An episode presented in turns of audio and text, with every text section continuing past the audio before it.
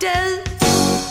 Eller möjligen ADU är ju som ni kanske minns den där podden som pratar om, med, av, för, i, genom, under, på, vid sidan av och runt. An, auf, hinter, in, neben, über, unter, fort, zwischen. Precis, det är de eh, tyska prepositioner som står dativ. Ja, ja, säkert. Mm. Ja, de andra är ju durch, für, gegen, ohne, um, Just som står akkusativ. Precis. Eh, Det är det jag minns från min skoltyska. Sex år. Tack för det, Skolverket. Eh, Vi som sitter här och eh, återigen har liksom stängt in oss i den lilla skrubben i Lindokalen. Det är jag som heter Kalle Lind och sen är det ju framför allt du som heter Jeanette Vante Rosengren. Just det. The one and only. Den oförlikneliga. Den eh, oemotståndliga. Den oomkullrunkeliga. Ja, ja, ja. Du är Vi- så rolig. Vi smög ut ett program i förra veckan. Det här är ju egentligen en varannan vecka-podd, men jag tänkte att eh, folk har väntat länge så att vi, vi skickar ut det här programmet som vi gjorde live. Just det. Live i- in front of a live studio audience. Eh, på, vi- den här, vi, vi, vi var i den här grannstaden. Ja, just det. Eh, Lund, just det. comedy. Ja, jag brukar kalla den Lunds eh, humor och comedy festival så man kan förkorta det LCHF. Alltså jag, eh, jag blev lite sådär, eh, jag man fick ju ett sånt där eh, litet halsband när man gick in med ett litet sån här, eh, vad heter det? Ja, passerkort. Så heter det. Så, eller så pass. så heter det. Och på, på det står det då, det står ju artist förstår du. Mm. Ja, det är ju första gången jag har haft, jag förstår ju att du har ju driver med sådana vet, det passerkort finns en hemma. bild på mig där jag står bredvid Lill-Babs och jag har ett artistpass. Men inte Lill-Babs. Nej, Nej, det behövdes väl inte. nej det, så var det ju, men det var jag som var artisten uppenbarligen att döma av bilden. Framtidens arkeologer som hittar den bilden tänker, ja här står en artist bredvid någon annan. Ja, det är sant. Jo, men vi gjorde ett program där om eh, vi skulle på något vis eh, undersöka likheter och skillnader mellan Malmö och Lundahumor. Och eh, i vanlig ordning så tog vi det historiska perspektivet och pratade kanske i någon mån om, om förfluten tid. Mm. Det, det, det retade mig lite när jag gick därifrån, ett, ett perspektiv som vi, som vi missade lite grann, alltså en, en modern sorts Malmöhumor. Mm. Som jag skulle säga då är Zlatan-humorn. Ja, Som, alltså, min gissning är att den, den vars one-liners citeras mest, den M- Malmö-anknutna människa vars one-liners de senaste 20 åren oftast har citerats. ja, Det gissar jag är Zlatan det tror jag med. Ja. Mycket emanerar ju ur filmen om honom. Ja, Blådåra 2 Ja. är ju... Det, där, där radar de ju upp sig, hur många, hur, hur många syskon har morsan Ja, och sånt. Och, Precis. och att han ska ha den här Lamborghinin när han ska skriva toys, som betyder Ja. leksak. Det. Och så, men, nu- men där framstår han kanske som, ja, vad ska vi säga, som en smula naiv. Mm. Men eh, även, det, var ju den unge Zlatan Mm. som, som väl ännu inte tagit steget ut i Europa. Han är väl på väg att göra det när de... eh, Ja men precis, han blev ju proffs i Holland där först ju. Ja. Mm. Men se, även som eh, proffsspelare och en av världens väl största skådespelare så har han ju levererat många, många sköna citat som, som, så- som många har citerat. Det han kan göra med en fotboll, det kan jag göra med en apelsin. Mm. Det var med en norsk fotbollsspelare som jag inte minns namnet på. Nej, just det. Eh, Jag vet inte riktigt vad det betydde men det lät cool. Och det lät kul. Mm. Och det lät Zlatan. Ja. Eh, Men det, för det finns ju en sorts, eh, som varken du eller jag kanske har järnkoll på, men, men som man ibland får lite eh, glimtar av, en sorts, vad ska vi kalla detta, orten-humor. ja, Ja, man kallar Lindängen för LÄ. just Det är det. ju roligt. Och Gonza som, som väl är därifrån, eller om man möjligtvis är från Hermodsdal. Men han rappar ju då i Advanced Patrol och han kallar sig sånt som Gonza Blatte skånska Mm. och Extravagonza Ja, just det. och, sådär.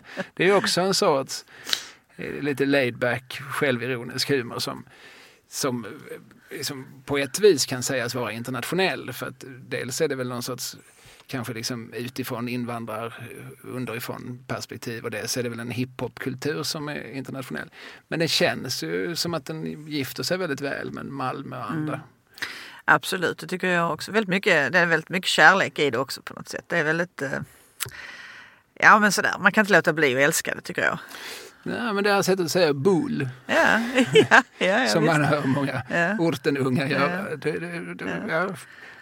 det är liksom, Det är omotståndligt. begreppet bullshit som ju är engelska, det, visar sig ligga otroligt bra i liksom, orten malmöitiska munnar. Mm. Bull, Ja, det är fan bull. ja det är fan bull. Ja, jo, men det, så är det ju. Alltså det, det störde mig i alla fall lite grann när vi gick därifrån, så nu har vi sagt detta. Mm. Eh, Vi lyssnar alltså på ADU, heter podden, eller ADU, och eh, det, nu är det som vanligt. Mm. Nu, nu är liksom säsongen igång i och med detta samtalet. Härligt. Man kan eh, återigen gå in på patreon.com och leta upp ADU-podd och eh, donera. Bli en mecenat. Mm. Mecenat såklart. För att parafrasera den gamla moderata sloganen. Moderat såklart. Just det, mecenat såklart. Eh, det, det var ju inte en bra slogan. Det rimmar ju inte. Alltså, det, det rimmar ju inte riktigt. Nej, För det är ju, det beror på om man utelämnar ärret. Ja, men ja, det kanske gör man på Stockholm såklart. såklart. Ja. Ja. Här blir det ju moderat såklart. Ja, det, ju- det rimmar ju inte. Nej, Ja, det rimmar, Mikael Wiehe-rim skulle man möjligtvis kunna kalla det. Skepp rimmar ju som bekant på skräck. Eh, Nåväl, ämnet för dagen. Eh, eller tycker vi att vi har pratat upp det? Ska vi prata om sommaren? Det kanske man gör när man inte har setts på länge. och hört. Mm. Jag har ju sett på Facebook att du har varit otrogen. Jag? Mm. Jaha. Ja, du har lämnat Malmö. Du har varit på Ah. andra ställen. Ja, det har jag faktiskt. Jag har, jag har varit en sväng i huvudstaden. Det har Ja. du med. Jo, jo, jo. Det kanske vi ska säga här liksom att du, är ju, du bor ju i Malmö av födsel och ohejdad vana. Mm. Jag bor ju här eh, för att någonstans ska man bo. Ja, ja, ja. Att jag, jag, och jag kan liksom inte skylla på någon annan än mig Nej. själv. Att en gång så fattade jag uppenbarligen beslutet att flytta hit och sen har jag aldrig fattat beslutet att flytta härifrån. Nej, just det. Och blir säga. du sugen på chips klockan 11 på kvällen så kan du gå ut och hitta chips. Men det kan du inte om du bor i Eslöv till exempel. Nej, det kan jag inte. Men det hade jag kunnat om jag bodde i huvudstaden. Ja, där, absolut. Å andra sidan hade chipsen kostat dub- Eh. dubbelt upp. Just det. Och tredje sidan hade jag väl tjänat dubbelt upp. Det kanske du hade, ja. Förmodligen. Mm. Vad vet jag. Nej, sant. Vad gjorde du i huvudstaden? Nå- Någonting som eh, har eh, relevans för den här podden? Eh, Högst oklart. Jag var på lite olika museer och träffade vänner och åt goda middagar. Och ja, hygge. Ja, jag kan säga så här att jag träffade ju på mina goda vänner Dag och Stefan som gör filmen om Karl Pedal. Mm, Det har ju lite koppling åtminstone här till. det får man väl säga. Mm. Karl Pedal vistades emellanåt i Malmö. Det vet vi. Det har du skrivit en tjock bok om. Ja. Och de, eh, de är, det är två Stockholmspågar som gör den här filmen och den är ju nu eh, klar. Men nu fick man ju vänta lite grann med visning. Eh, Av pan- pandemiska skäl, men även om restriktionerna nu har hävt så blir det inte visning förrän i början på 2022.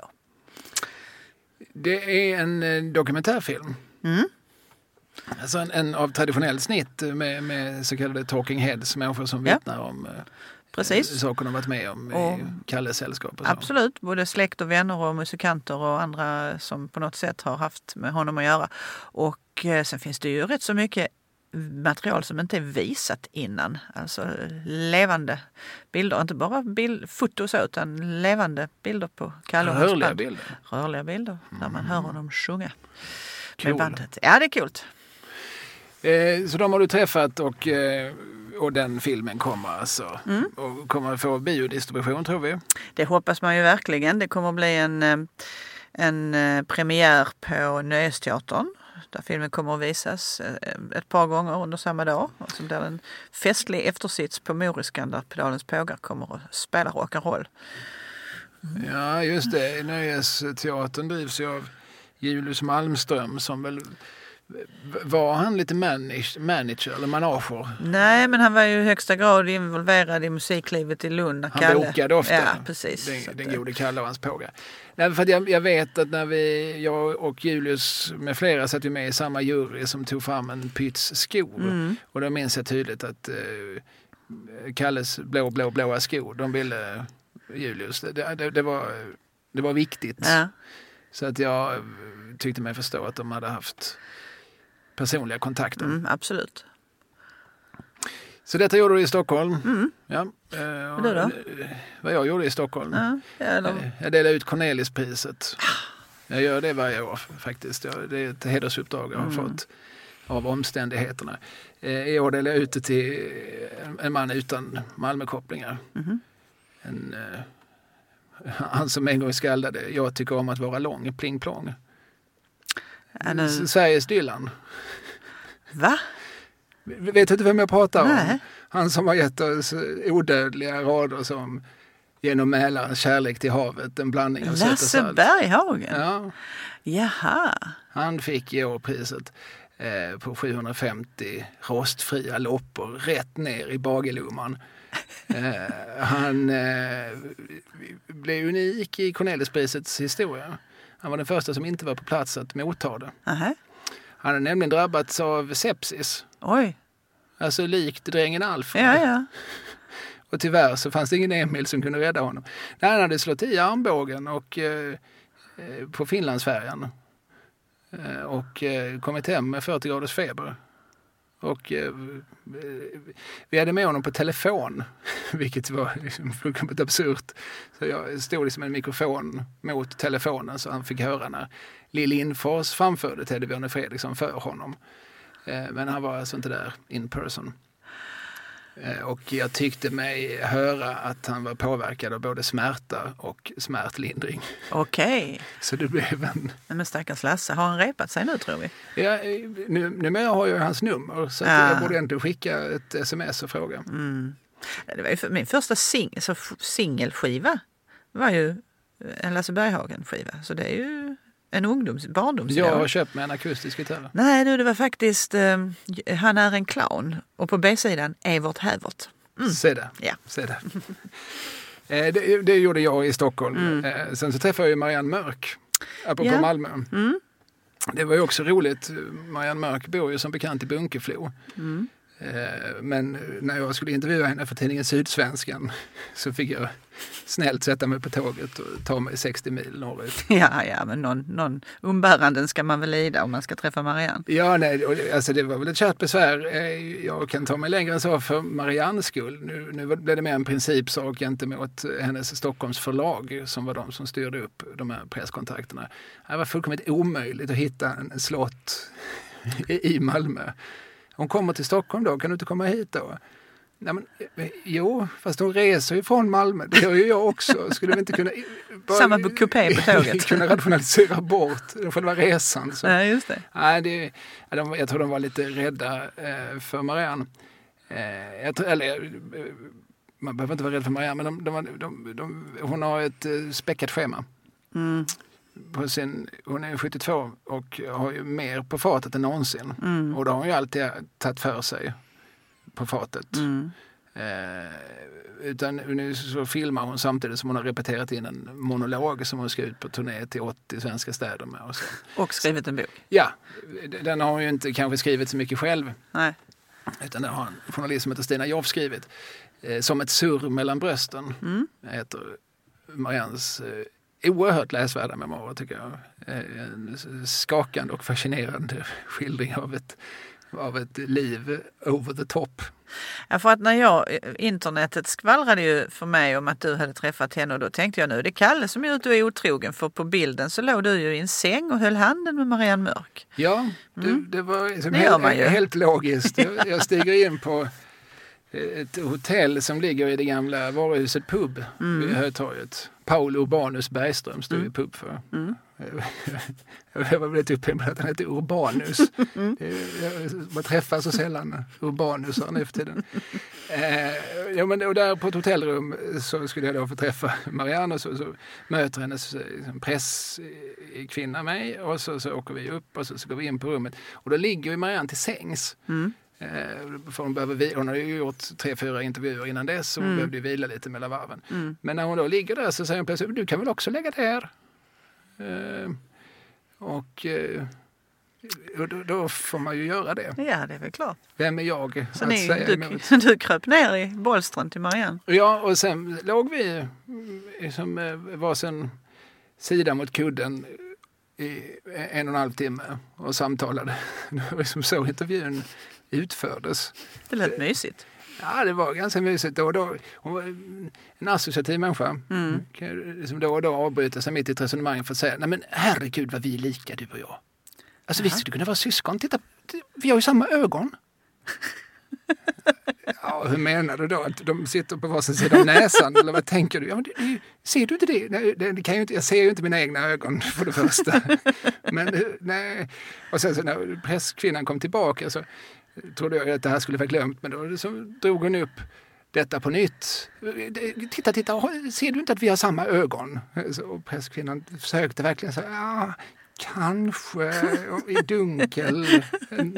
Men, En, mörk natt, ja. Ja, nej, men en mycket spännande människa som ju är intimt förknippad med Malmö. Absolut. Hon kom ju hit från Göteborg på, på 70-talet och eh, firar ju sen triumfer under ett par decenniers tid på dåvarande Malmö stadsteater, nuvarande Malmö opera. Mm. Eh, och eftersom hon eh, hon har liksom något eh, som är underbart gränslöst över sig så tyckte inte hon att det var så stora problem att samtidigt som hon spelar Carmen eller Eliza i My Fair Lady eller så, så drev hon ju också Malmö Stadsteaters krog. Just det, teaterkrogen där ja. Mm. Ja, precis. Och dessutom så drev hon personalkantinen Mm. och foajéserveringen. Där ju det, skulle liksom bjudas på snittar då till 1200 premiärgäster. Mm. Eh, det gjorde man. Liksom. Alltså, hon, hon, har liksom, hon har som princip att tacka ja. Dygnet har många timmar för Marianne kan man säga. Ja, och, eh, och många av de timmarna tillbringar hon ju också i säng. Det, det skriver hon ju mycket om i sina memoarer, sin, sin enorma säng Bismarck. Just det. Där hon även äter sina mål Jaha ja. Mm. eh, med sked. Aha, ja. Alltid flytande eller soppor, gröt. Ja, det verkar lite så som man kan morsa runt så att allt går väl att äta med sked om man bara Ja, ja. fördelar det. Mm. Ja. Eh, ja. Eh, det, var, det var såklart en upplevelse att få, få, att- få liksom skåda in lite i, i det huvudet. Ja. det väldigt, väldigt, väldigt rymliga och rörliga huvudet. Ja. Men nu kanske vi har pratat upp oss. ja, det tror jag. Eh, nu är artighetsfaserna förbi. Nu går vi över på denna veckas Det är Ämne. det väsentliga. Mm. Jo, men vi ska prata om författaren Max Lundgren. Ja, Vad, alltså när man säger Max Lundgren till folk, vad säger de då, tänker du? jag tror att, eh, oh, det beror nog på vilken generation man är kanske, men jag tror många tänker direkt på Åshöjden. Pojken med guldbyxorna, Mm. Benny Boxaren. Mm. Och, ja, och sen kanske, det beror också som sagt på vad man, om man tänker mest på hans böcker eller på hans, han gjorde ju väldigt mycket eh, man, alltså tv och filmmanus, seriemanus och radioteatermanus. Mm. Så. Jag tänker Skånska mord till exempel. Ja, precis. Det kanske är eh, hans, på det viset, eh, liksom, det verk han är mest förknippad med för, för, för tv. Eh, man kanske, det- det är nog så att somliga människor vet att ja, men det var nog Max Lundgren som, som skrev dem. Ja. Mm. Det var ju originalproduktion, annars skrev han ju mycket som alltså, adaptioner av både egna och andras böcker. Mm. Eh, alltså det så skrev han ju manus till Åsödens BK som vi såklart kommer att fördjupa oss i strax. Eh, som gjordes som tv-serie 85. Mm. Och sen, men sen skrev han ju också till exempel en Malmö TV gjorde en adaption av Jan Fridegårds Torntuppen. Mm. Eh, som jag gissar att Jan Hemmel regisserade. Och den skrev han ju också manus till. Så att han, skrev, han var ju som en bruksförfattare på det sättet Mm. som skrev vad han eh, blev ombedd emellanåt. eh, oerhört eh, produktiv Mm. Skulle jag säga. Skulle säga att han har skrivit kanske någonstans mellan 55 och 60 böcker. Ja. Lite hur man räknar, precis. Ja. Och i, i många genrer. Ja. Alltså lika mycket nästan vuxen som ungdomsförfattare. Mm. Och eh, eh, dessutom har han, han har skrivit liksom, dikter, han har skrivit sångtexter, Mm. han har skrivit eh, pjäsmanus. Noveller. Ja, han har lite grann skrivit det han blivit ombedd tror jag. Mm. Jag tänker att vi ska prata lite grann om det där för det är Mm. som en sorts författar, eh, eh, som en syn på författarskapet som, eh, som han kanske inte delar med med alla sina kollegor. Men, men att han var på något vis en, en han ställde sin skrivmaskin i, i allmänhetens tjänst på något sätt. Alltså där, där, där det behövdes, där, där, där var han framme och skrev någonting mm. emellanåt. Mm. Men vi kan återkomma till detta för att eh, det här är ju en podd om Malmö och mm. eh, Max Lundgren bodde ju onekligen här. Mestadels största delen av sitt liv. Han var född i Landskrona ja. 1937. Och kom till Malmö i slutet på 40-talet. Just det. Med familjen ja. som i tio års ålder någonting. Mm. Och var väl Malmö sen troget. Han bodde faktiskt i Lund ett slag. Han pluggade där? När han var, ja, när han var då nygift och hade fått sitt Max och hans hustru Ingrid fick ju tre barn och de äldsta dottern där, när hon var nyfödd så vet jag att de bodde en sväng i Lund i alla fall. Ja, han studerade nog där. Han var mm. ju släktens första student, mm. vilket väl eh, då vittnar om att han kommer från eh, någon sorts eh, arbetarklass. Och i, i, förra, i programmet, som, eller podden som vi släppte förra veckan, den som vi spelade in i Lund, så citerar jag ju, eller jag läste hela Max Lundgrens dikt Uppslagsord Lund. Ja, det gjorde Som, eh, där man anar mellan raderna att han inte var alldeles överförtjust i, i det akademiska och förstockade och mm. tillbakablickande Lund. Eh. Nej, han, men han, han, han trivdes nog väldigt bra i Malmö och eh, bodde på några olika adresser eh, som jag tänker vi ska återkomma till faktiskt. Alltså, ja, mm. ja, det, är ju, det är ju viktigt. Eh, nej, men det, det, och, och sen kanske vi ska också berätta då att han, han dog redan 2005. Mm. Och eh, min, du, du sa det här med att det beror på vilken generation man tillhör. Mm. För att jag tror att om man frågar liksom, unga människor idag så kanske det inte säger någonting alls om man ropar Max Lundgren. Nej, och det, det, är väl lite sorgligt det där att han eh, på något sätt känns som att han har blivit bortglömd. Ja, av, av yngre? Ja, åtminstone just det att man inte har fyllt på det. Nej. Så att nya barnboksbibliotekarier har, har liksom inte lyft fram hans författarskap utan eh, det har andra ersatt. För att, för att eh, alldeles uppenbart är inte hans verk bortglömda. Åshöjdens BK som ju från början var fyra romaner han skrev mm. och som också då eh, blev en, en tv-serie och som också blev en radioinläsning gjord av Lennart Hyland. Eh, det blev ju också, och faktiskt och absolut längst tid, så blev det ju en serie, tecknad serie, ja. tidningen Buster. Ja. Den läste förmodligen du. Ja, det kan du tro. Ja. Reijo Pippo tecknade som sen bytte efternamn till Stävenborn. Ja, det låter bekant. Mm. Och eh, den, den gick ju in på 90-talet, alltså, ja. alltså, alltså nyskrivna, ja. av Max Lundgren nyskrivna eh, episoder. Mm. Och eh, de här böckerna håller nu på att ges ut i, i fina ja. samlingsutgåvor som, som kickstartas. Och eh, det, det, finns ju ett ja, det... stort intresse från, från vår generation. Det så vi har ju inte glömt honom. Nej, nej, nej. Det är ett hjälte... Eller det är ett, det är ett storverk att ge ut dem på nytt skulle jag säga. Inbundna och fina och man kan sitta... Åh, ja. Ja, och minnas ja. olika passningar som, som Björn Backe gör till Kula. Mm. Och Kula i sin tur. Och Hitte-Joel kommer in och räddar. Och, ja, ja. Visst. Och Elin serverar frukosten hemma hos Blåbärskungen och komma med några förmaningsord till Edvard och Jorma och sådär. Mm. Just det, just det. Vi, vi, ja, man vill ju tränga in i Åshöjden. Den, den, det är lite sorgligt vad gäller liksom den här podden att den har ju inte liksom, direkt med Malmö att göra. Nej, tyvärr. Åshöjden är ju Åsljunga. Då är vi uppe i nordvästskåne. Ja, det är liksom... Uh, ja, nära Perstorp kan man säga där. Och sen så är... Och nära Örkelljunga. Ja, för det är ju deras värsta rival i serien, eller då i fotbollslagets, eh, Åshöjdens rivallag, det är ju Örkelhöjden Just som det. då ska vara Örkelljunga. Mm.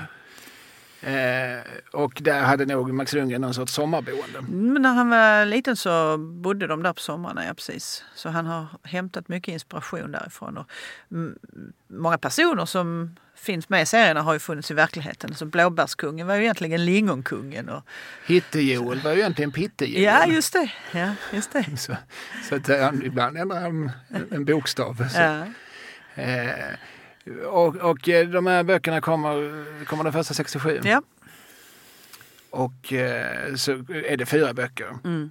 som skildrar deras väg från eh, liksom lägsta gärdsgårdsserien, alltså Mm. under gärdsgården. Ja, alltså när eh, bagaren Olsson kommer ju dit. Ja. Bagaren Olsson är ju gammal landslagsman Ja. som har köpt Kajsas Café. Ja. Och eh, han är smart för han vet ju att motorvägen ska snart dras där igenom och då kommer, man att kunna, kommer han att kunna bygga lite hotell och sådär. Men han ser ju också att de här ungdomarna som springer där, de har ingenting att göra. Och så finns det ju ett A-lag och det här A-laget består ju mest av försupna fylltrattar och Så kallade tattare. just precis. Det är ett ord Ja, som ja. återkommer mer än en gång i, i boksviten. Verkligen. Och, och det ska man också säga att eh, de står ju för mycket av det här bråkandet och drickandet i början. Men det är också så att det är ju ingen som någonsin har trott på dem. Men genom seriens gång när man följer dem, när Edvard så småningom sen bygger sitt lilla fritidscentra där så är det ju så är det ju det gänget under Ruben Svarte, Svarte. ja, som, som blir de bästa byggnads, eh, ja, hantverkarna och byggarna. Man Ruben etablerar Svarte, en relation. Vet, vet du vem som spelar honom i tv-serien? Ruben Svarte? Ja. Oh, det är klart att jag ska veta det. Ja, för eh, tv-serien som alltså kom 85, jag sk- skulle säga att den, mest, den, den idag mest be, bekante skådespelaren, det är han som gör Ruben Svarte nämligen. Göran Ragnerstam. Ja, ja, ja. Mm. Eh, han var väl up and coming. Det var väl de andra också, men, men eh, han var mest coming. Mest Mm. Ja, up. ja. Ja, och de här böckerna, eh, det, är ju ganska tidiga verk. Alltså han debuterade några år tidigare som, som vuxenförfattare. Och jag tror att samma år, 67, så kommer väl också Pojken med guldbyxorna. Ah, det är så tidigt, ja. Mm. Jag, jag tror att det är samma år. Alltså, Det måste ju vara ett sånt år man är nöjd med. Ja, det är ju ett märkesår, 67. Jag såg... Ja, Det var då jag föddes nämligen. Just det, just det. Nej, jag såg... Eh, jo, men Pojken med guldbyxorna kom 67 också. Mm. Jag såg häromdagen eh, Erin Brockovich. Mm. Jag har sett den många gånger tidigare. Men eh, samma år som eh, regissören Steven Soderbergh, samma år som han Oscars nominerades för bästa film för Erin Brockovich, så hade han ju en annan film som bästa film, Traffic, med, med Michael Douglas med Ja. flera. Alltså, han två filmer från samma år som nomineras till bästa film. Han tävlar med sig själv i den kategorin. Det var, om det här nu då var 2001, nej det kanske var 90 någonting. Inte samma. Det, må, det måste också varit ett bra år för Soderbergh tänker jag. Det kan man ju lugnt påstå. Och på samma vis så måste ju Max Lundgren ha tänkt tillbaka på året 67 då när han fyllde 30 och skrev sina, sina två mest ikoniska Ja. böcker. Ja. För det ska ju sägas, Pojken med guldbyxorna, den eh, har ju verkligen levt ett långt liv. Den blev ju först tv-serie 75 Mm. med eh, den unge pottfriserade Harald Lambrell. ja, han var ju så söt. Oerhört söt Ja. såklart. Han ser ut som jag eh, gjorde Ja. några år senare. Ja, ja. Jag tänkte, jag tänkte precis, för jag tänkte så hårig var han inte i ansiktet. Nej men samma, jag hade samma frisyr som barn, samma Ja. polkahår. Ja, ja, lite så. Emily Lönneberg Mm. också hade. Ja, ja. Eh, och, och det blev ju en, en eh, succé Mm. som många minns. Och den har också filmatiserats igen på nytt, alltså nu på 2000-talet. Mm. Ella Lemhagen har gjort en uppdaterad version. Och så. Så det, alltså den här berättelsen då om eh, Mats Mm. som eh, vill ha det lite knapert. Han bor, han har en ensamstående far, Tocken, Mm. som jag tror jobbar på Skånska Dagbladet i boken. Boken utspe- jag minns inte om, om han säger uttryckligen att det är i Malmö, men, men boken utspelar sig absolut i Skåne. Mm. Eh, Annars hade han inte kallats för Tocken. Nej, såklart inte. Men medan te- televiseringen inte gör det, den är inspelad i någon, eh, ja, någon Stockholmsförort eller rent av på, på Södermalm någonstans. Det är väldigt slitna miljöer i Mm. den. Men eh, Söder var ju väldigt slitet på 70-talet. Mm. kan man ju säga också i tv-serien Tårtan och sådär. Just det. Men och han, det är väl sådär, Tocken är ju lite svår på spriten. Och eh, det saknas ju ständigt pengar. Och så ändå hittar han ju en tia i byxfickan. Just det. Och så hittar han en tia till. Mm. Sen hittar han fan med en tia till. Ja, kan bara dra upp, hålar upp sedlar. Och till slut så kommer det upp hundralapp. Ja. Eh, och eh, det är en sån där eh, tänk, tänk om det var jag. Ja. Alltså, han, har, han har hittat liksom en, en perfekt berättelse som Ja. appellerar till alla. Ja. Alltså, jag tror liksom alla som läser den boken ändå liksom, jag, jag måste bara kolla. Ja. Vänta, bara, nej, nej men, Inte idag det är lika bra att dubbelkolla. Jag ska liksom inte avfärda det för man har testat.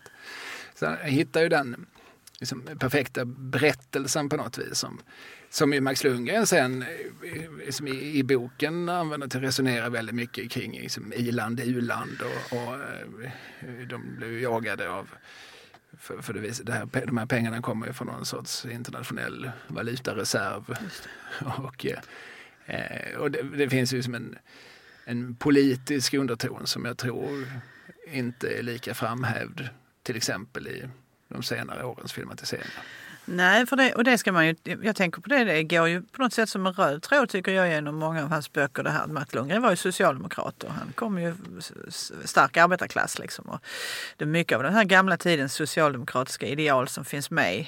Eh, nykterhet, demokrati, alltså sådana saker som man vill, ordning och reda. Ja, ja, nej, men och i Åshöjdens BK, första boken, så får vi ju väldigt tydligt liksom förstå hur mötesformalia och så fungerar. Precis. Det, det skriver han ju Ja. vä- väldigt snyggt in i historien. Alltså att när de här unga killarna då, Jorma och Edvard och Björn Backe och de, Mm. när de liksom inser att det finns kanske en möjlighet för oss att ta över det här laget Mm. med, med, med, med, med På årsmötet där va? Precis, och Mm. de, då inser de att vi kan ju liksom värva medlemmar. Mm. Och så kan de komma hit och lägga sin röst. Och eh, så kan vi ju begära sluten omröstning för då kommer fler att, eh, att våga, Våga, ja. Mm. eh, rösta mot den, den sittande ledningen och så. Rudolf Andersson var det väl då som var ordförande? Precis. Precis. Eh, Och, nej, men, och det, alltså det eh, vågar jag säga att det, det var så jag lärde mig Mm. liksom grunderna i någon sorts föreningsdemokrati. Mm. Det var eh, som, genom Max Lundgren, om det var från boken eller om det var från tv-serien. Det vågar jag inte säga, för mig flöt det där nog lite grann ihop. Jag, jag, läste, det, jag läste dem som parallellt med att jag såg tv-serien som tioåring. Och sen är det, finns en rolig detalj i det här årsmötet när man då ska rösta på, de flesta skriver då bagaren på lappen utom Elins. Det är ju hennes avgörande röst som är vad heter det, tungan på vågen. Hon har ju skrivit sotan. För hon har ju aldrig lärt sig någon gång att, han är, att det är bagaren han kallas. Ja, då håller det på att gå åt Ja, pipsvängen. just det. Ja. Ja. Men Max Lundgren, absolut socialdemokrat och är ju också vid sidan av sitt författande också aktiv i, som författarfackligt aktiv.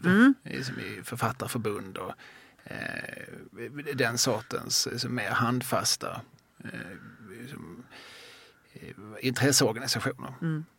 Och, och väldigt rotad i en, eh, i en malmöitisk socialdemokratisk eh, idétradition. Och det, det finns en rolig historia kring det här därför att Max, Max mellandotter Lotta som ju är eh, verksamhetschef på Drömmarnas hus idag. Just det, ute på Rosengård. Just det, kultur för barn och unga. Hon Det är har själv då, det som var själva gården Rosengård Just i tiden. Som vi Kockums. ett tidigare precis, avsnitt om. just det, den gamla herrgården där på Fröliksväg. Eh, Lotta har berättat, hon har varit min chef nämligen, och hon har berättat att eh, vid något tillfälle så ringde Olof Palme hem till familjen Lundgren, till Max. Ja. Eh, och tre gånger fick han ringa för Max Lundgren la på alla tre gångerna och trodde att, han, att det var någon som skojade med honom. För inte skulle väl Olof Palme ringa hem till honom. Det var nämligen då att de höll på att starta upp någon sorts eh, barn och ungdomsberedning och de ville Palme ha en grupp med människor och jättebra med en ungdoms, barn och ungdomsförfattare som Max då, eh, som han ville ha med i den här gruppen. Men eh, precis samtidigt som detta hände så visades på tv Sommarflickan. Som, eh, En, en tv-serie som också blev en bok som det. han skrev, Max. Precis, och som då, eh, det var liksom ganska problematisk eh, handlingen här. Det var en ung flicka som hade kommit lite på glid som hamnade i, en, i ett hem, sommar, ett sånt här fosterhem ute på landet. Och där hade, där hade man en son som hade Downs syndrom och så. Så det var man lyfte fram lite olika delar eh, ur, ur deras liv då. Och då, det var det också så att när, när de här visades på tv, de här olika serierna eller filmerna som Max Lundgren var inblandad i, då ringde ju folk hem till honom. Han stod i telefonkatalogen. Det var inget konstigt. Det är klart man ringer hem och berättar vad man tycker som gemene man då. Och när det då under den här sommarflickan eh, perioden så ringde det väldigt ofta. Och när det då ringer någon och påstår att han är Olof Palme tre gånger så, så tycker Max Lundgren att det här är ju inte riktigt sant. Men det var Olof Palme. Eh, till slut så fick han, hallå hallå, det är Olof Palme. Ja, Ja, var det din Palme-imitation? ja det var det faktiskt. Politik är att vilja. Precis. Eh, Ja. Jag vet av erfarenhet att han stod i telefonkatalogen. Jag gjorde en intervju med honom som 11-åring. Såklart du gjorde. Varför? Ja, men vi hade en skoltidning, en klasstidning som hette Frågetecknet. Jag, skrev, jag, minns ett, jag minns väldigt lite av detta. Jag skrev ett, eh, ett brev till honom där jag ganska mångordigt tror jag liksom förklarade hur redaktionen var sammansatt. Med, vi hade många redaktörer, det var ju- jag som basade för detta då. Att du är kulturredaktör och du är sportredaktör. Alla i klassen hade ju någon redaktörsuppgift och så. Ja. Och det här minns jag att jag, jag skrev i det här brevet till dem. Så svarade han givetvis, ring mig, det är inga problem. Det, eh, och, eh, och jag minns också när jag sen ringde upp honom att han, eh, att han eh, lite sådär leende sa, vilken redaktör är du? Eh, och att jag då sa, ja, jag är ju chefredaktör. Alltså du chef, du är redaktör för alltihop. Ja, ja, jag förstod, anar redan då att han kanske tyckte det var lite lustigt att vi som 11-12-åringar hade liksom en, ingenting av samtalet mer än att han sa shoot. Som jag tyckte var coolt. Shoot. Ja, ska vi... Kom igång. Ja, precis. Ja. Eh, kan jag börja ställa frågor till dig nu? Shoot. ja, det är kul. Ja, ja, det var, I mitten av 80-talet var det nog lite coolt i Ja, alla ja, fall. Jag vet inte. Absolut. Eh, men, ehm, så att, och, och det, det minns jag som sagt tydligt att eh, na, namn och adress hittar jag i- och nummer hittar jag i den helt vanliga Malmödelen Mm. som ju också vi i Eslöv hade. Såklart. Mm. Ja, det är Ja. inte såklart. Det var ju Lund, Eslövhör, Trelleborg och Malmö. Ja. Det är ju inte helt självklart. Det hade kunnat vara Ja, den en andra annan delen uppdelning, där ja. liksom. Mm, just det. Just det. Men, men nu var det det i alla fall. Ja, 0413-området fick vara med i... Det var ju stort för oss såklart. Eh, eh, ja, var, var är vi någonstans? Jo, Ja, men, men- nej, men vi kanske är på, på det 60-tal när han träder fram. Mm. och, och eh, försöker etablera sig och eh, som sagt lyckas etablera sig ganska fort Mm. som författare. Eh, med de här liksom, hittarna som ju också blir någon slags instant classics Mm. och som fortsätter att tryckas och lånas under åtminstone 70 och 80-talen. Mm. Absolut. Och, eh, Men var är de nu? Undrar man ju. Jag tänker många gånger, varför har man inte... Just Åshöjden vet ju att man har tryckt upp i pocket igen och sådär, men var är alla de andra?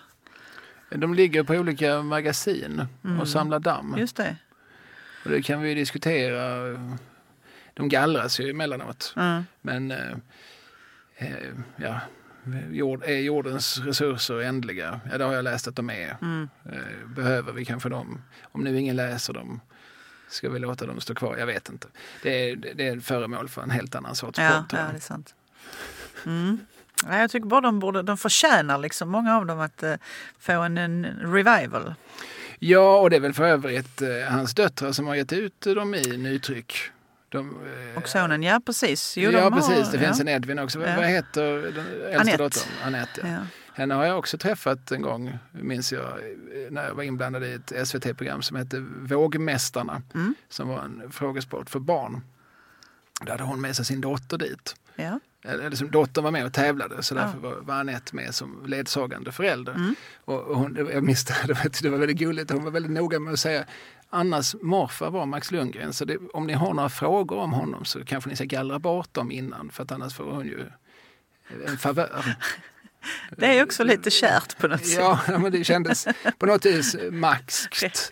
Ja. Det fanns en sorts som rättvis eh, tanke. Ja. Och när du säger det så tänker jag på en annan rolig sak som Lotta berättade för mig. Eh, Det var ju att vid något tillfälle så blev Max Lundgren sjuk, alltså han vanlig influensa och sådär. Och låg hemma och hade frossa och så. här. Så när hans fru kommer hem från jobbet då eh, så säger hon, du eh, har du, eh, du, nu har du väl ringt och sjukskrivit dig idag? Alltså sjukanmält dig till Försäkringskassan. Var på Max tittade upp så nej, nej, nej det har jag inte. Men varför har du inte gjort det? Du kan väl lyfta luren och ringa, det kan väl inte vara så svårt. Nej, nej, men det vore ju, alltså jag, det vore ju att bedra dem. För jag tänker ju hela tiden. Mm. En författare är ju aldrig ledig. Nej, Nej. inte ens när han ligger och, Och och, och hostar och snörvlar. Nej, precis.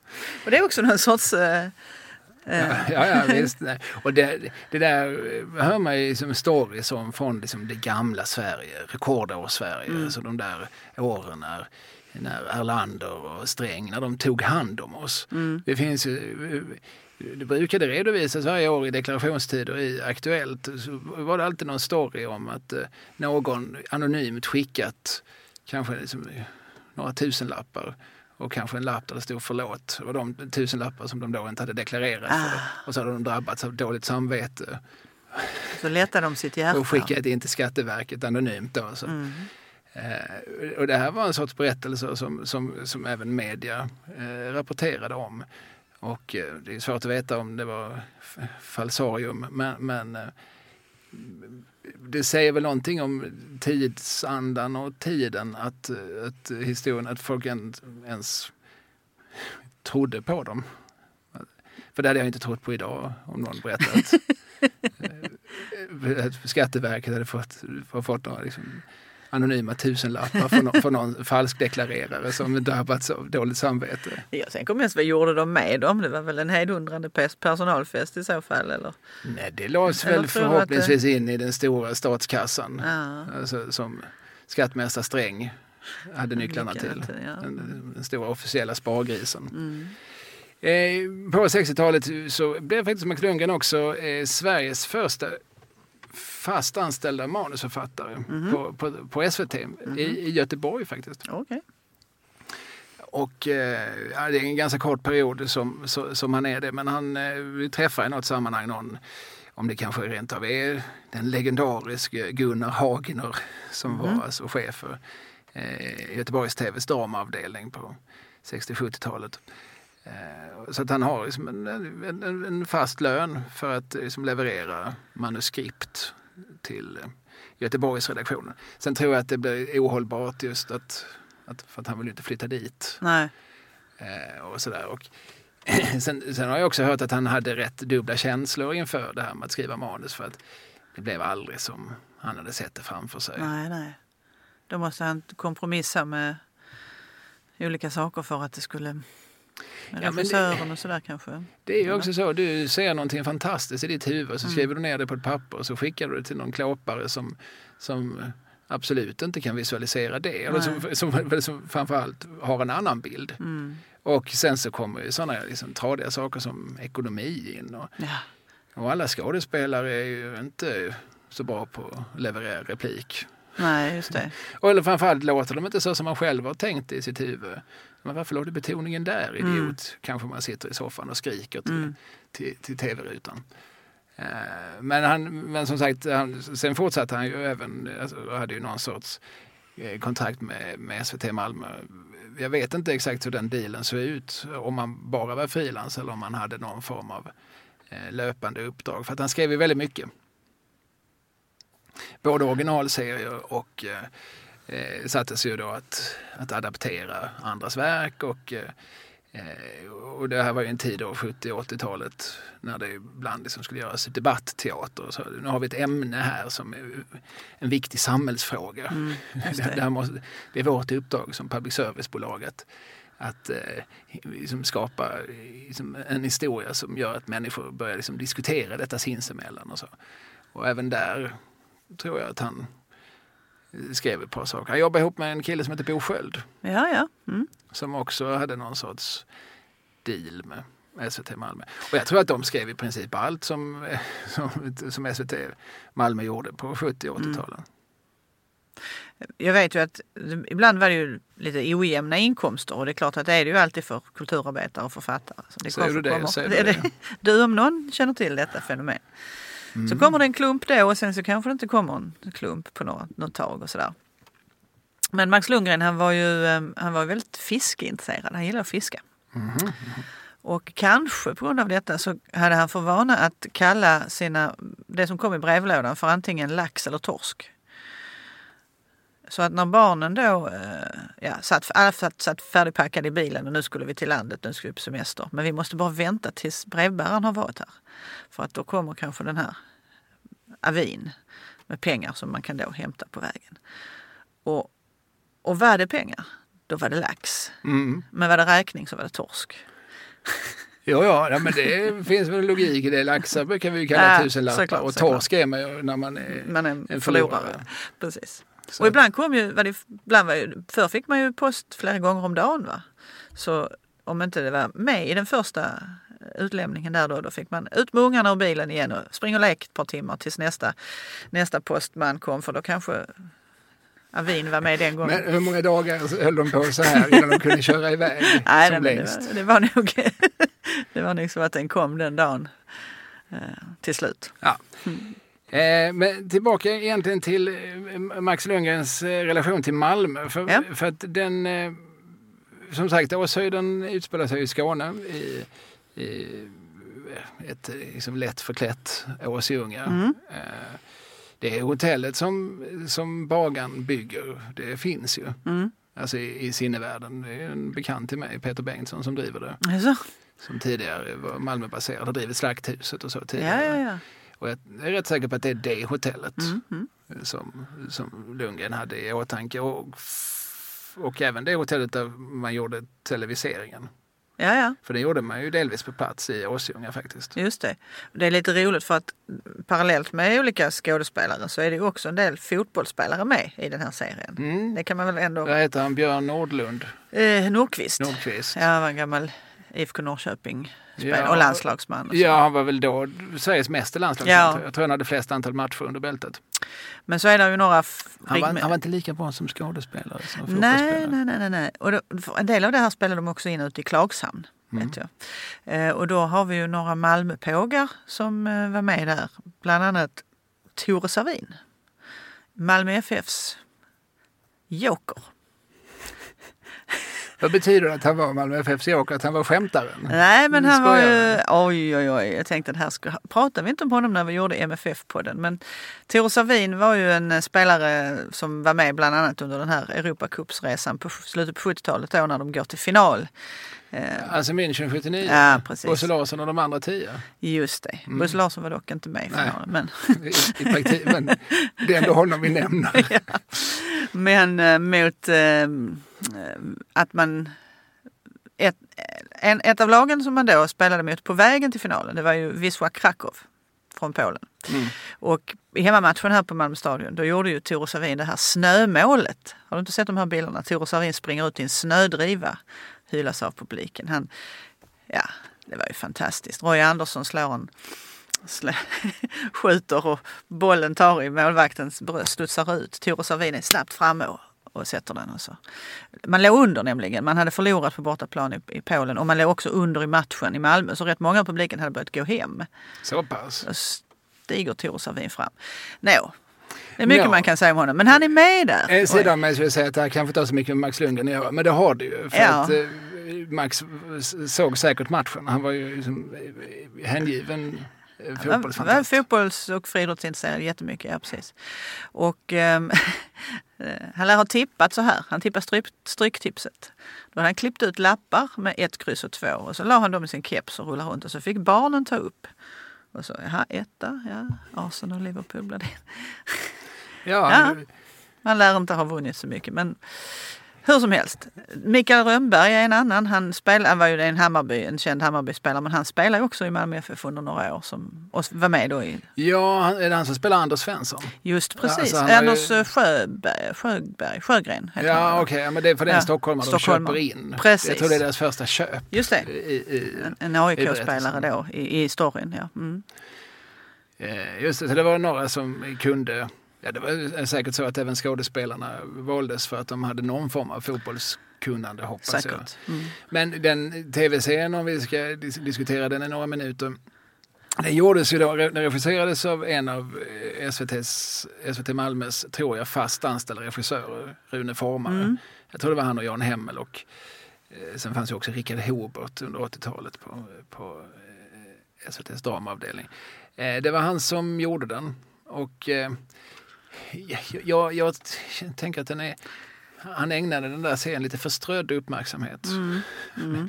Ja, det är ju lite märkliga eh, castingval och så. här. Det, det här är ju en berättelse som handlar om, de är ju gymnasister. ja, ja, absolut. Och eh, i huvudrollen så satte man ju då människor med lite flyende hårfäste och som som, som ändå var i 30-årsåldern. 30-årsåldern. Ja. Och som ju dessutom som fick behålla sina 80-talsfrisyrer i Mm. en berättelse som ju ganska tydligt ändå förlagd till en sorts eh, liksom, expansivt eh, 50-tal. Mm. Visst. Eh, Det är märkligt Ja. när man tittar. Det är som någon nästan surrealistisk känsla. Det är nästan sådär liksom teatertänk. På teatern kan man ju låta en 20-åring i lösskägg spela en gammal farbror. Mm. Så gör man väldigt sällan på film. Nej, visst. Och gör man det så, så upplever man det som, som ett väldigt eh, tydligt konstnärligt statement. Mm. Men här är det mer som att eh, det var ingen som tänkte, det var ingen som riktigt satte sig ner och gjorde den analysen. Hur, hur gamla är de här gossarna? Och sen så pratar ju då alla i Åsundens BK teatersvenska. Ja. Jo, men visst är det så. Ja. Och, och, och det gör ju, alltså för att eh, sen så hade man ju skådespelare från Malmö stadsteater, Göte Fyrling Ja, spelar ju Blåbärskungen, och Maj Lindström i Elin. Och, Men även de pratar ju rikssvenska. ja, visst. De var ju inte malmöiter Nej. i grunden. Och, så att de enda som pratar skånska det är ju olika statister. Ja. Ingvar Andersson, en Ja. gammal revykungen från Kristianstad. Ja. Sten Taxi, Ja, som ja, också ja, ja, dyker ja. upp på Ja. åhörarbänk. ja, visst. Så, det är liksom en konstig bild av, av orten Åshöjden. Mm. Att det, det, är bara, det är bara fyllorna på, och stammisarna som, som pratar i skånska. Ja. Jo, men visst. Eh, Ja, men, och det är må- många val av den sorten, konstnärliga val, som är svårbegripliga. Och sen, sen är det ju också väldigt diffus i vilken, vil- vilken tid är vi på nu. För att jag hävdar ju att alltså, det är en förutsättning för själva berättelsen i Åshöjden. Det är ju att den utspelar sig på 50-60-talet. Just Det är det. ju liksom att motorvägen ska dras. Det är hela den här liksom, framtidskänslan som, som man förstår att hela Sverige var uppfyllt av åren efter andra världskriget. När, när hjulen snurrar så oerhört fort och man kunde liksom nästan dag för dag se förbättringar. Men herregud, i- igår hade vi stampat jordgolv. Ja. Nu, nu, nu har vi tv. Och pågen går på läroverket. Ja, och rinnande vatten Ja. och liksom, man- sådär, tv, PV, WC Mm. pratar man ju ibland om liksom, i slutet på 50-talet. Hur, hur svenska folket plöts- plötsligt alltså, går från att ha varit liksom, ett av världens fattigaste länder Ja, 20 år visst, tidigare Visst, visst. till att nu tillhöra liksom, täten. Det är ju bakgrunden. Även om den här berättelsen, och särskilt för de tioåringar som den var skriven för, eh, kanske främst handlar om fotboll. Mm. Så, så är det här ju liksom Ja, det är miljön, det är fonden, det är... Mm. Ja, och, och berättelsen om den här småstadspotentaten, blåbärskungen, så, den, det är ju ingen 80-talsberättelse på samma sätt. Eh, Åshöjden är ju också, liksom jag tror att det är en kommun, så den, den utspelas, och den är ju, den är ju liten, alltså det är ju innan storkommunsammanslagningen 74 och sådär. Mm, mm. Alltså det är ganska tydligt i berättelsen, man får, man får göra rätt mycket våld på berättelsen om man ska flytta den i tiden. Mm. Och i tv-serien så har man inte riktigt bestämt sig. Har man flyttat den eller ej? Det står ju liksom en jukebox på Kajsas café som som signalerar väldigt mycket 50-tal. Ja. Men en dag så kommer plötsligt Dan Hylander och Py Bäckman dit. Ja, men de gjorde väl dessutom ledmotivet, va? Ja, ja. Ja. ja och det kunde de ju göra. Mm. Men, men för, för det hör man ju bara under förtexten. Det är Mm. ganska bra för övrigt. Eh, Babels torn, heter den inte det? Jo, Mm. eh, rätt svår att, att hitta. Mm. Jag tror inte den finns på Spotify. Jag tror inte att den lades på någon LP utan det var liksom bara en singel. Ja. Men den är rätt bra. Men, men eh, som någon kul grej så där ska de ju dyka upp. Mm. Eh, Deras turnébuss har fått punka eller något. De kommer in och dricker kaffe. och, och då, då kommer de ju in där i fullt 80-talsställ med bandanas och Ja. jeansjacka. Och, och så som Ja, för annars hade Dan hade, kunde inte 50-tal då hade han ju fått klippa av håret. Det hade inte gått. Nej, nej, det har jag ju fortfarande inte gjort. Nej, jag menar det. Eh, nej, men så att det- den är ju... Det, det är en serie med många märkliga val. Jag tror också det var det sista Rune Formare gjorde innan han gick i pension. Mm. Rune Formare som jag också vet var eh, liksom, eh, engagerad, organiserad tror jag till och med, socialdemokrat. Ja, ja. Det kunde man liksom vara även om man gjorde tv-serier på, på SVT. Och, och den, är ju ganska, den är ju genomsyrad som vi sa av någon sorts arbetarrörelseideal. Absolut. Och den ligger ju faktiskt, man kan titta på den på Öppet arkiv. Mm, Så ja, det kan man göra. man vill. Så långt man, man orkar. Man Ja. kan snabbspola lite. Ja, ja, ja. Eh, det är många sekvenser där de joggar. Ja, rundar runt sjön, ja precis. runt Kräftsjön. Ja. Men det här var inte den enda sviten eh, Max Lundgren skrev om idrottande ungdomar. Nej. Utan sen skrev han ju de fem böckerna om IFK Trumslagare. Ja. Som, som ju är väldigt tydligt förlagda i Malmömiljö. Ja. Eh, Och eh, som vill utspela sig i sin samtid. Nej, det gör de inte. De, de tar också eh, Lite bakåt, på, på... Jag tror de börjar i någon sorts diffus tidigt 60-tal. ja, för de är väl skrivna på 70-talet någon gång. Ja. Mm. Eh, jo, nej, men, men det, jag tar tillbaka vad jag sa. Jo, men det stämmer. Jag, de, de, de är, liksom, har ett historiskt perspektiv. Den första som då heter IFK Trumslagaren kommer 72 Mm. och jag tror att den tar plats i 50-talets slut. Mm. Och jag har försökt eh, förstå. Alltså, tittar man på en stadskarta finns det ju inget IFK Trumslagaren i Malmö. Eller, Eh. eller inget kvarteret Trumslagaren. Ja, just det. För det är ju, man tar ju det namnet efter kvarteret där man bor, ja. Just det. Nej, men eh, för att i trumslagaren då får vi bege oss till Östermalm i Stockholm till exempel. Eller Mm. det finns säkert många andra ställen också. Och det gör vi ogärna i den här podden. Verkligen. Mm. Så, då får man vara lite slug och eh, gå till sin släktforskardatabas. Mm. Och då, man kan börja med att titta på Malmökartan och se att det finns ju ett kvarter som heter Trumman, Mm. och inte Trumslagaren. Och kvarter Trumman ligger på Köpenhamnsvägen. Om du tänker dig att du cyklar, cykla måste man göra i Malmö. Ja, ja, ja. Du ska till gamla KB, Kalle. Ja. Från, från liksom, eh, Eriksfält från. Möllan sådär. Cyklar du Köpenhamnsvägen rätt ut mot, mot Erikslust. Erikslust heter Ja. det. Jag blandar alltid ihop det. Ja. Och när, innan du är framme där så på höger sida så har du ett antal eh, höga hus. Ska vi säga att de är från sent 40-tal någonting sånt där. Mm. Det, där ligger kvarter Trumman. Och så rotade jag runt lite för att titta på var Max Lundgren hade bott. Och då visade det sig att naturligtvis, så när han då kom inflyttande med sina föräldrar, så på, vad kan det vara, han var född 37, ja, i alla fall 1950 så var han skriven i just kvarteret Trumman. Så det är väl författarens frihet att han har tagit, plockat lite från sin barndoms kvarter och omgivningar och sådär. Och sen trumslagaren låter ju lite kanske pampigare. Parentes. Tore Savin som jag pratar precis om så mycket.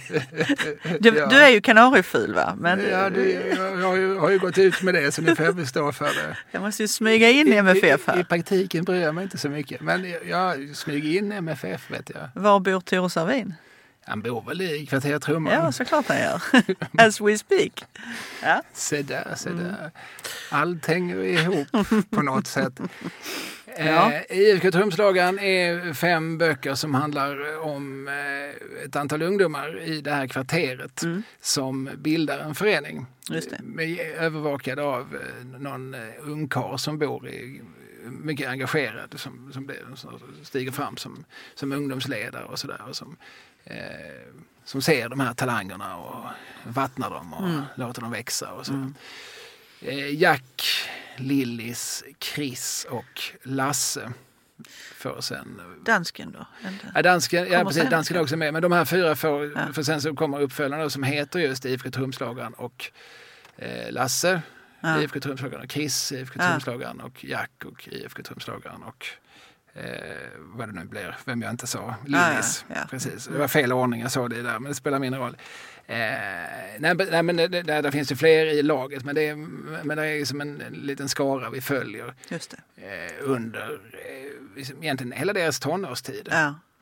Och den här boken som heter IFK Trumslagaren och Chris, den har jag här bredvid mig. Och Chris är alltså Kristin, alltså det är en, en, en flicka. Mm. Kamrer Jonsson heter för övrigt ungkarlen. Ja, ja, ja. Eh, och hon utvecklar sitt stort löfte på 100 meter och längdhopp. Eh, och, eh, men hon ställer, jag läser på baksidan, hon ställs i olika situationer där hon efterhand börjar tvivla på att solidariteten med klubben och kamraterna är viktigare än hennes egen utveckling till en självständig ung människa. Mm. Eh, den är lite eh, roligare än vad den låter. Ja, absolut. Vä- Väldigt eh, knäckebrödstorr baksidestext. Ja, det var nog inte Max själv som hade skrivit den baksidestexten kanske. Men ja, visst är det hon som har... Hennes pappa jobbar på stadsbiblioteket har jag för mig. Så kan det Så att det vara. blir hon har, hon en har, miljö som blir väldigt tydlig. Liksom. Hon har ett väldigt... Eh, hon har en relation till, till pappan som nästan eh, idag läser in liksom incestuösa undertoner i. Mhm. Eh, De är väldigt fysiska med Ja, ja. varandra. Så, och det är bara de två. Mm. Och hon tycker oerhört mycket om honom och sådär. Eh, på första sidan läser jag. Hon kröp lite längre upp och kysste honom på halsen. En riktigt våt kyss så att han rös till. Oj. Ja. Mm. Det kanske man inte hade skrivit idag, men jag, men jag vägrar tro att det fanns några som helst liksom, spekulativa Nej. undertoner här. Eh, men Ja, nej, men, och de, de här, eh, som sagt, de utspelar sig i liksom ett Malmö som, eh, han är lite sådär, han, han fördunklar gärna en smula. Mm. Eh, han liksom skriver liksom hellre kanske idrottsplatsen Just det, än men, namnet på idrottsplatsen. men Heleneholms idrottsplats vet jag förekommer i de här böckerna. Lite då och då Mm. så, så, är han, så är han som plötsligt precis. Ja. Och, och eh, motståndarklubbar kan säkert vara helt autentiska. Mm. Och, så, men, men när man läser så, så man sitter som samlar många frågetecken på sig. Okej, vad, man skulle egentligen vilja ha en karta bredvid sig och försöka liksom gissa sig till ungefär var är vi nu? Ja. Och sådär. Just det. Det, det lär ha varit så att de här idén, eller fröet till de här böckerna kom till när ehm, hans egna barn sysslade med friidrott. Alla tre höll på och var aktiva i en friidrottsförening. Och då var ju Max som var närvarande förälder, han, han, de hade ju ett sommarställe de här då, familjen Lundgren. Så att när de, eh, bonden där bredvid tubbades att lämna en bit åker eller äng eller någonting. Så att han kunde göra då en 16 meters bana och en eh, längdhoppsgrop och så köpte man in kula och så, hade, du vet, så, här, så var det friidrottstävlingar hela sommaren. Precis detta sker i den första IFK Trumslagaren-boken där de åker ut till Degeberga Ja, eh, med Kamrer Jonsson som just låter dem klippa eh, på bondens stycke och så. ja, ja. ja. Ehm, och då så förde han ju också en bok på sina egna barns resultat. Sådär. Precis som Kamrer Jonsson. Just det. Bara det att Max hade en liten anteckningsbok som var röd och kallade den följaktligen Max lilla Röd. röda. Jag förstår. Ja. Ma- Max Kapital kanske han kallar sin bank, bankbok. det, det, det hoppas jag. Eh, men, där har vi i alla fall Malmömiljöer igen. Och om man, Ja. om man tittar på eh, Max Lundgrens eh, bibliografi så, så hör man ju på, redan på många av titlarna att, att vi är i Skåne. Sagan om Lotta från Dösjebro, Mm. eh, Snapphanepojken Mm. med mera. Eh, men sen så har du framför dig en bok som heter Inga Eliasson affärsbiträde. Ja, jag tycker ju denna är så fin. Ehm, Det är ju en helt annan tid. Nu är han ju tillbaks i faktiskt det året när han själv föddes. Den börjar 1937. Mm. Och den är ju väldigt rotad i, i malmöitiska miljöer. Vi är på Möllevången. Ja. Så vi är Eh, med i den här Solidar. Hon, eh, hon blir börjar jobba på Solidar och hon, eh, hon kommer från landet den här Inga. Så hon tvingas av olika skäl lämna det, norra Skåne där och så flyttar hon till här och sen kommer hon till Malmö då. Och är väldigt driftig och framåt. Så från att ha varit liksom eh, lägst ner på Solidar så arbetar hon sig uppåt. Och så småningom flyttar hon också, även hon, bort till området vid Örsholmsgången. Alltså just vid Köpenhamnsvägen. Så att där plockar han väl sina barndomsmiljöer igen kan man tänka sig. Men det finns ett litet eh, utsnitt här. Jag tänkte bara exemplifiera. Eh, när, hon, när de går i Folkets park Mm i den här boken. Detta är alltså den 1 maj 1950. Eh, och då säger hon så här, skriver hon så här. Hade det varit Erlander, men den där tråkige gubben. I Folkets, som höll tal alltså. Mm. I Folkets park snurrade karusellerna, chokladhjulen gnisslade, ballongknippen gungade i vinden, festade vid försäljarnas bälten. Det var ett skrikande och ett liv som överträffade alla marknader som Inga kom ihåg sedan sin barndom. Ole, det är hennes pojkvän, och Gösta Månsson gick arm i arm bort mot ölcaféet medan töserna stod i kö vid spöktåget. Inga och Astrid försvann in i mörkret. Vagnen krängde till och rusade fram mot en jättelik spindel som med sina långa håriga ben öppnade famnen för dem. Och då gick jag ju in och tittade, det finns ju en sån här eh, statistik någonstans, vilka som har hållit första majtal i för- Folkets park. Ja, precis. Jag vill veta, vem var den tråkiga gubben? Exakt, vem tror du? 1950. Mm. Eh, Sträng. Yes! Gunnar Emanuel Sträng. ja, eh, ja nej, men Gunnar Emanuel Sträng hade väl en tendens att bli lite långrandig. det, det hette ju att man hann, man hann gå hem och äta middag. Och komma tillbaka och, Innan han var klar. och liksom. höra slutraderna. Mm. Ja, men det roligt. Ja, nej, men det var bara en liten parentes. Men den här tycker jag, det är också en sån här bok som är lite bortglömd. Jag tycker den här är, det är ju en kvinnoskildring fullt jämförbar skulle jag vilja säga med, med Per Anders Fogelströms alltså Stad Svit som ju också handlar väldigt mycket om olika kvinnor som Mm, för- Lotten och Ja, precis. Och Emily och vad det nu heter. Ehm, eh, och Malmö tidigt 40-tal och hur man liksom, ja men det här eh, vägen ut ur fattigdomen för den här flickan och, som sedan blev kvinna och hennes flitighet och hennes idoghet och hennes ja, vilja att överträffa svårigheter och sådär. Ja, men också vill jag minnas eh, som kopplingen just till eh, som en arbetarsolidaritet som finns runt omkring henne med föreståndaren på Solidar som förklarar att eh, vi tar ju inte vinst så som de Precis. gör, på, gör hos den, där handlaren där borta. Det finns en, en intressant eh, bild där, då, där ingen står och äter ett äpple på lunchen och så tittar hon ut över Möllevångstorget och där står ju grönsaksförsäljarna. Så säger, men de, de säljer ju till priserna, deras priser är ju lägre än vad våra är.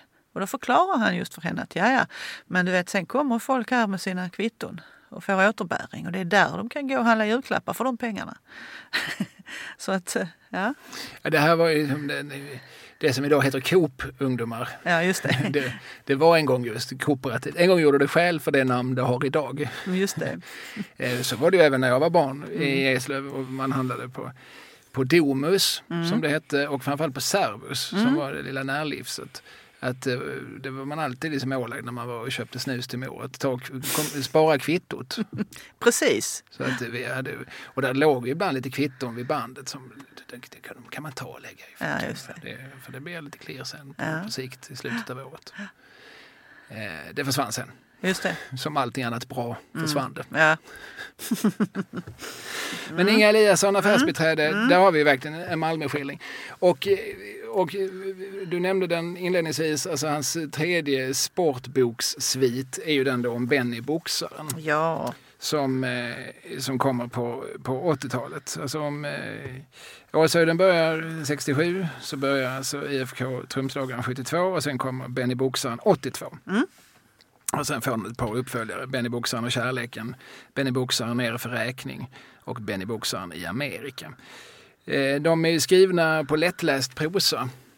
Alltså de, är- och jag tror det var på uppdrag från något förlag som ville ha böcker som, som eh, barn som kanske hade eh, antingen språksvårigheter eller som hade annan etnisk bakgrund skulle kunna läsa och ta till sig på ett språk som var begripligt.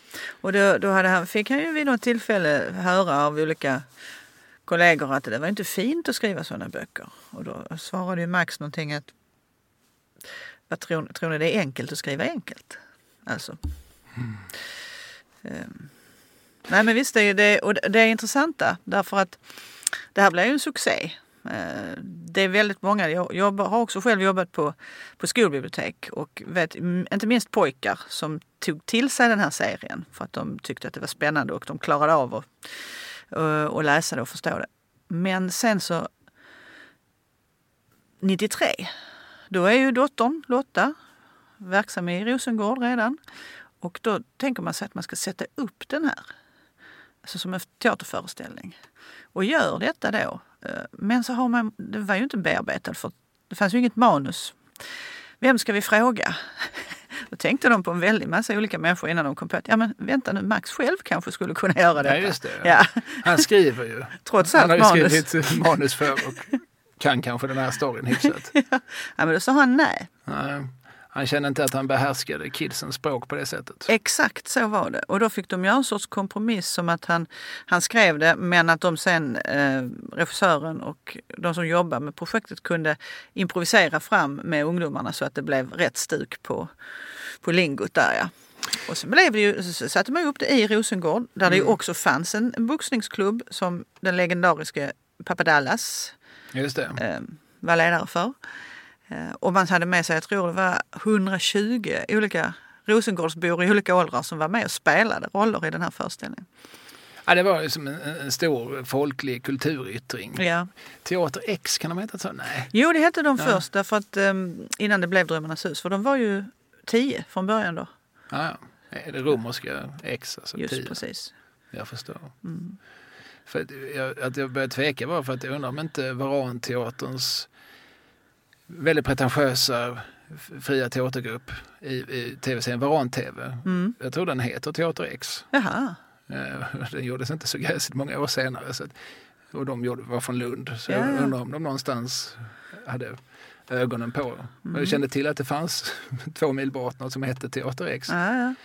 Eh, men det här var ju som sagt eh, som en stor manifestation Ja. eh, som, som jag också hade som, såklart liksom sociala ambitioner och sådär. Eh, och det, det var väl ett, en välvald bok för att Benny Boxaren utspelar sig då inte eh, uttryckligen på Rosengård för det utspelar sig i Syrenelund. Mm. Och där finns ett näraliggande rikemansområde som inte heter Bellevue men Bellevue. Mm, just det. Eh, och eh, det ser ju, alltså, beskrivningarna är ju inte riktigt, eh, alltså om man jämför med hans, hans sk- skildring av hur det här förortstorget ser ut så är det ju inte, det är ju inte riktigt Rosengård. Eh, tror jag.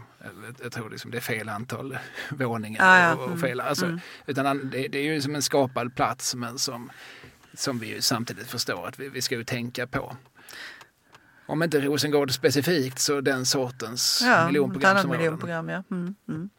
Jag, jag läste dem med, stor behållning som, som ung. De, de var fascinerande för att de, ja, de, de tog ju som till 110 procent tar de eh, de här kidsens parti. Mm. liksom vägrat moralisera. Det är ju scener som jag verkligen inte tror att förläggare idag hade, hade släppt igenom. Bland annat då när Benny tillsammans med sina kamrater Ivan och han heter väl också dansken. Ja, så är det nog ja. Just det. Det finns vissa namn som Max Lundgren gärna återanvänder. Dansken är ett, Ja. Olle är ett, Ja. Evy är ett. Men eh, jo, men Benny och de här två de går ju till en prostituerad kvinna och Ja. ligger med henne Mm, mot knark. mm. Det, det, nu, är vi som, nu är det ju Nationalteatern realism. Här, liksom. Nu är det Speedy Gonzales. Det här är, ja, och, och det, är, alltså, det är ju som en, en svettig och jobbig scen och vi förstår ju att hon är en sorglig människa. Mm. Och, eh, och, vi förstår, och de- och de får i olika grad liksom dåligt samvete och de känner sig väldigt obekväma med situationen. Men, Mm. men den, det finns liksom inte någonstans en författare som säger att så här gör man ju inte. Nej, just det. Eh, Man är inte prostituerad och man går inte till prostituerade. Alltså det vägrar författaren att säga utan Mm. det får vi som läsare, även som väldigt ung läsare, själv förstå. Just det. Eh, Mm. och- det är som sagt 82 kommer den. Och, eh, och där är många, må- må- eh, för att han, Benny som då är han, han bor hos sin, sin tant som, Ja. är, som är spådam. Just det. Och Det har han också faktiskt, flera stycken Max Lundgren i sina böcker. Spådamer. Ja. Ja, Benny blir ju människokännare genom att sitta gömd i ett skåp och titta på tantens kunder Mm. och se i ögonen. Eh, Rädsla, förhoppning, förväntan. Det är ju därför han blir en så bra boxare, Just det. bland annat. Men också på grund av att den här tanten då hänger med eh, den försupne Salminen Mm. som, är, som är före detta boxare. Och som, eh, där är ju Max Lundgren inte heller hycklar om hans alkoholintag och sådär. Och, sen börjar ju Benny då gå på skolan i det, i det fina området det. och han vantrivs för det är ingen som avbryter lektionerna med att spela hög musik. Eh, och allting är konstigt och han blir regelbundet misshandlad av någon som heter Slangen. Mm. Som han ju i slutet då såklart eh, efter att ha tränats av Salminen spöar upp. Ja, Och traditionella revansch-grejen. ja, och och det är också liksom skildrat utan att någon säger att det är fel med våld. Ja, Utan det, tvärtom så känner vi nog när vi läser att var, den här gången var det rätt med våld. ja man håller ju på Benny där. Ja, men- men det är också en sekvens. Han förälskar sig i någon flicka där som, från rikemansområdet. Och eh, som han går hem till och eh, eh, så ligger de nog och egentligen bara smågosar och så kommer hennes föräldrar in och så frågar, frågar mamma vad gör ni? Och så säger Benny vi knullar. och så blir han utslängd. För att han kommer med, med sin sin fattigmansprosa. Mm. Vad, det- vad, vad gör du med vår dotter? Mm. är omedveten om att det faktiskt inte riktigt är det han gör. Nej, det. Han, har- han har liksom hört ordet innan han har förstått innebörden. Eh, jag tycker alltså det händer att jag plockar ner den där från hyllan och bläddrar i den. Och jag har flera gånger satt den i min 17-årings händer, alltså även när han var långt yngre än 17. Eh, och eh, han har ju bara släppt den slapp till marken, så, så, som man brukar göra när jag ja. rekommenderar honom något. men sen när du vänder ryggen till så kanske han plockar upp den igen? Ja, kanske, kanske, kanske, kanske. Men, men, men jag har återkommit till den eh, flera gånger i livet, Den är så lättläst ja. och, men har liksom, samtidigt en sorts sug ja. i språket. Eh, den är så... Den driver framåt verkligen. Ja, ja den är så liksom, konkret, den konstaterar saker så torrt och sakligt att det i sig blir, blir liksom fascinerande. Eh, ironiskt nog så hittade jag inte den då när vi skulle spela in det här programmet. Eh, kanske är det min 17-åring ja. som har tagit den in till sig. Någon av dina söner har den i sitt privata bibliotek? I wish. I wish. Men, eh, men hur som helst, där har vi också liksom ett, ett, eh, liksom suddigt men närvarande Malmö. Ja. Suddigt tecknat men men vi tycker oss förstå att visst är det Malmö de rör sig. Ja, men det tycker jag. De cyklar ju också till havet. Ja. Till, eh, till ribban. Mm. Jag vet inte om man skriver ribban jag, jag, jag, minns faktiskt inte om det är så tydligt ens att vi förstår att det är Malmö. Att, att, att det sägs rakt ut att det är Malmö. Men de, de gör en ganska lång cykeltur de här tre pojkarna om dagarna och så mm. cyklar de till stranden. Mm. Vilket får mig liksom associera till Zlatans berättelse om när han som tonåring ska med fotbollslaget springa längs Limhamnsvägen och han för första gången förstår att Malmö tydligen har, har vattenkänning. Just det. Mm. Eh, Ja, mm. det var... Ja. Det, det, detta om, eh, om Benny boxaren mm. som, som eh, jag, jag nog... Eh, ja, jag, jag hade gärna sett att han liksom på nytt kom i, kom i, i rullning. För jag, jag tror ja. att den faktiskt fortfarande idag för en, en, en viss sorts pojkar kan vara väldigt nyttig. Mm. Som en, inte minst som, som en introduktion till litteraturen. Verkligen. Eh, är det mer vi behöver säga om Benny Boxaren? Eh. Eller, eller, ja, Benny Boxaren, eller om Max Lundgren dessutom? Eh, jag tänkte att det finns en liten kär eh, sak som Bunny Ragnerstam har skrivit om Max Lundgren. Bunny Ragnerstam som också är arbetarförfattare. Mm. Eh, han skrev eh, de böcker som låg till förlaga för tv-serien Kråsnålen som jag minns från min, från min barndom. Du är en outsinlig källa till kunskap. Till associationer. Ja. ja. Eh, nej men ja. Bonnie, Bonnie Ragnarstam stod nog i min mors bokhylla. Eh, han, han, var väl, han ville väl, försökte väl skriva eh, sådana här liksom, folklivsskildringar, sådana här liksom, breda arbetarskildringar mm, liksom, kring, kring, städer och fabriker och så, liksom, i, historiska ja, förtecken. Precis.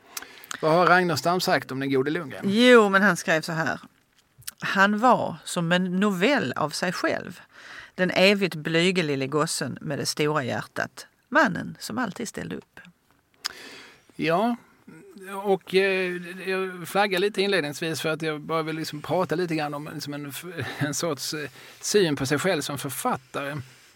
Det alltså jag tycker när man läser om Max Lundgren så är det väldigt ofta att han, att han får ett uppdrag eller att någon eh, liksom säger den här kategorin människor, de läser inga böcker, skulle du kunna mm. vara behjälplig? Eh, och, eller, att, eller då att SVT hör av sig och säger att nu vill vi göra fem filmer om autentiska skånska mord eller mm. vad det nu är. Alltså, mm. att, att han, är, han är på det viset en pen for hire. Mm. En eh, författare som kanske inte i första hand känner att ja, ja, det viktiga för mig va, det är att få uttrycka min ångest. Det är att få slita ut mitt hjärta ur bröstkorgen och hänga upp på en krok till allmänt beskådande. Att få uttrycka mig själv. Han är inte den sortens författare i första hand utan han är en bruksförfattare. En författare som ställer sig på något vis i allmänhetens tjänst. Mm. Eller som i de svagas tjänst eller i de de behövandes tjänst. Verkligen ofta i de svagas tjänst eller, eller, tjänst, eller de liksom förfördelade eller de marginaliserade människorna. Det, det kan man väl lugnt säga att han gjorde. Ja, alltså alltså, det, är en syn på författarskapet också. Liksom som på ett vis då kan vissa kanske skulle tycka att det, liksom, är lite, lite torrt, lite oromantiskt, lite eh, alltså, nästan man är ju mer liksom en tjänsteman på något vis än en konstnär mm. liksom, från vissa perspektiv. Men det är ju samtidigt, man går runt och, liksom, och frågar sig vad kan jag göra för nytta? Mm. Och många tycker kanske att nyttoperspektiv inte hör hemma i kulturen överhuvudtaget. Kulturen ska inte göra nytta, kulturen ska, ska, ska finnas för sin egen skull. Och så tror inte jag att Max Lundgren tänkte, han tyckte säkert att andra får gärna hålla på och bearbeta sin ångest. Mm. Det, det, spelar mig mindre roll men, men kan jag vara behjälplig? Kan jag eh, eh, liksom vara med på ett hörn här och eh, kan jag få unga pojkar som inte läser att mm. faktiskt öppna en bok mm. genom att skriva om sånt som de begriper? Fotboll, mm. friidrott, mm. boxning. Ja, och det är ju verkligen sådana här många gånger sådana coming of age historier. Alltså det är ju inte bara fotbollen som är viktig, det är också deras... Uh, hur, hur är dynamiken i laget? Alla är, inte, alla är inte lika trevliga. Alltså det finns ju alltid olika människor som sticker ut. Det är, det är mobbing, det är eh, kärlek, det är ja, det ena med det andra som händer i deras liv samtidigt. Det är precis som i, i IFK Trumslagaren. Liksom. Ja, nej, men det är mycket liksom äppelmos och medicinprincipen. Alltså, om, yeah. om jag får alla de här liksom, spännande matchreferaten mm. så för, som då är äppelmoset mm. så får jag också då lära mig lite grann om, om mötesdemokrati ja, som väl får ses som medicinen. Ja. Eh, och jag tillhörde de ytterst få 10-12-åringar som faktiskt var mer intresserade av, av, av medicinen. Men, eh, nej, men så, så det är, och som sagt återigen liksom, liksom författarfackligt aktiv och, ja. och, och eh, eh liksom redo att hugga in där han kunde behövas. Ja.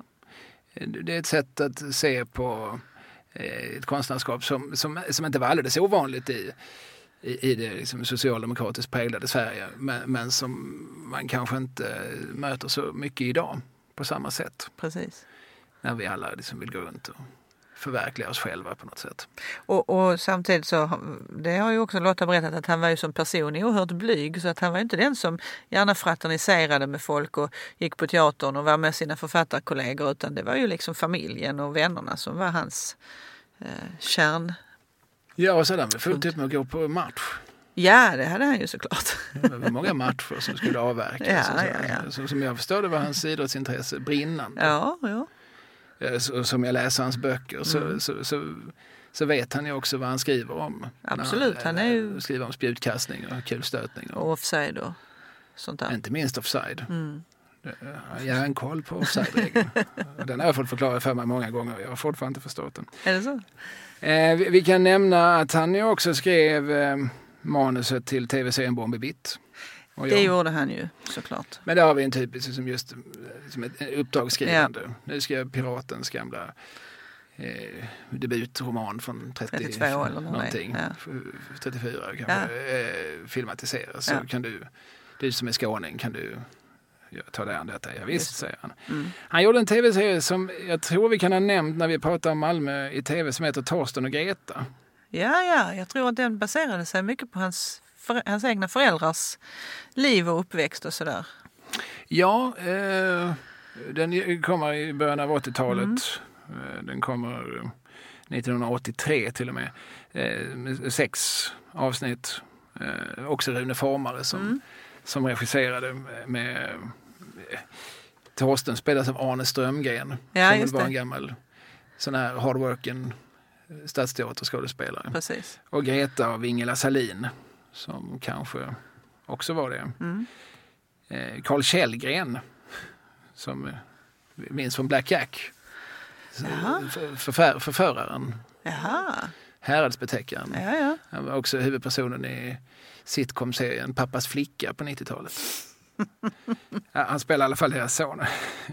ja, jag tänker att det kanske var någon som... Eh, som, någon som, som hade en lucka i sin tv-kunskap där. Ja, precis. Eh, Torsten och Greta, den, den är jag lite nyfiken på för jag, jag, liksom, jag, jag läst om den eh, just, just ur slags Malmö-perspektiv.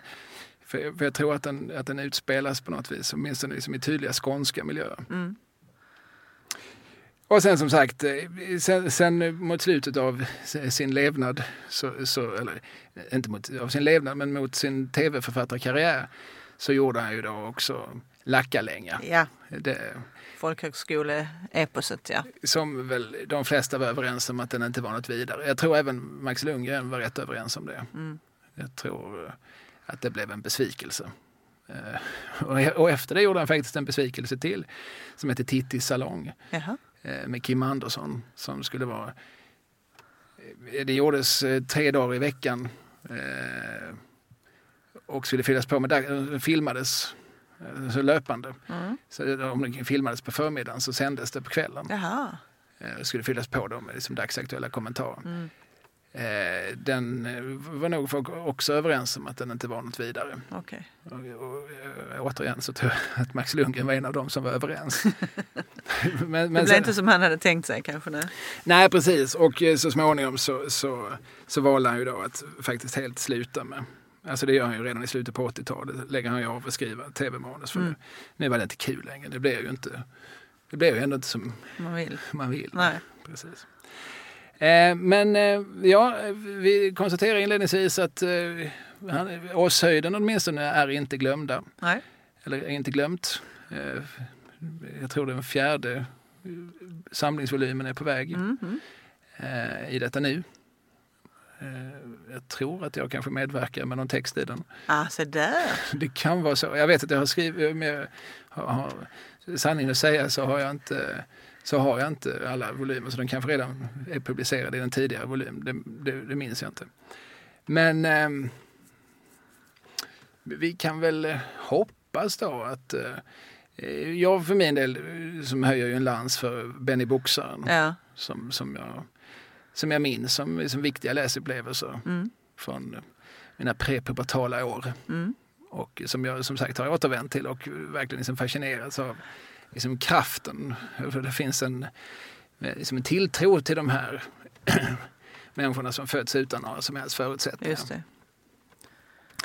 Eh, har vi sagt vad vi behöver säga om Max Lundgren? Ja, det tror jag faktiskt. Ja, vi, ja, någonting fick vi sagt, hoppas jag. Vi har ju pratat i, i en dryg timme. Så att, Är det så? ja, något, något, något måste vi väl ha sagt. Mm.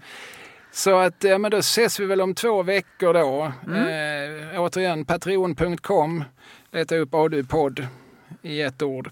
Och eh, donera er, eh, ge oss ett tionde vet Ja, det tycker jag. jag. Det, det är väl rimligt, lika Mm. rimligt som folk ger det till Pingstkyrkan kan man ge väl det till oss. Såklart. Eh, om man nu inte är gudstroende så kan man väl kanske vara troende på oss. Vi, vi, finns, vi finns ju bevisligen. Ju, Definitivt. Ja. I både kött och ande. precis. Så att eh, vi, vi hörs om två veckor. Mm. Ja, så har vi. Ja, hej. Allt beror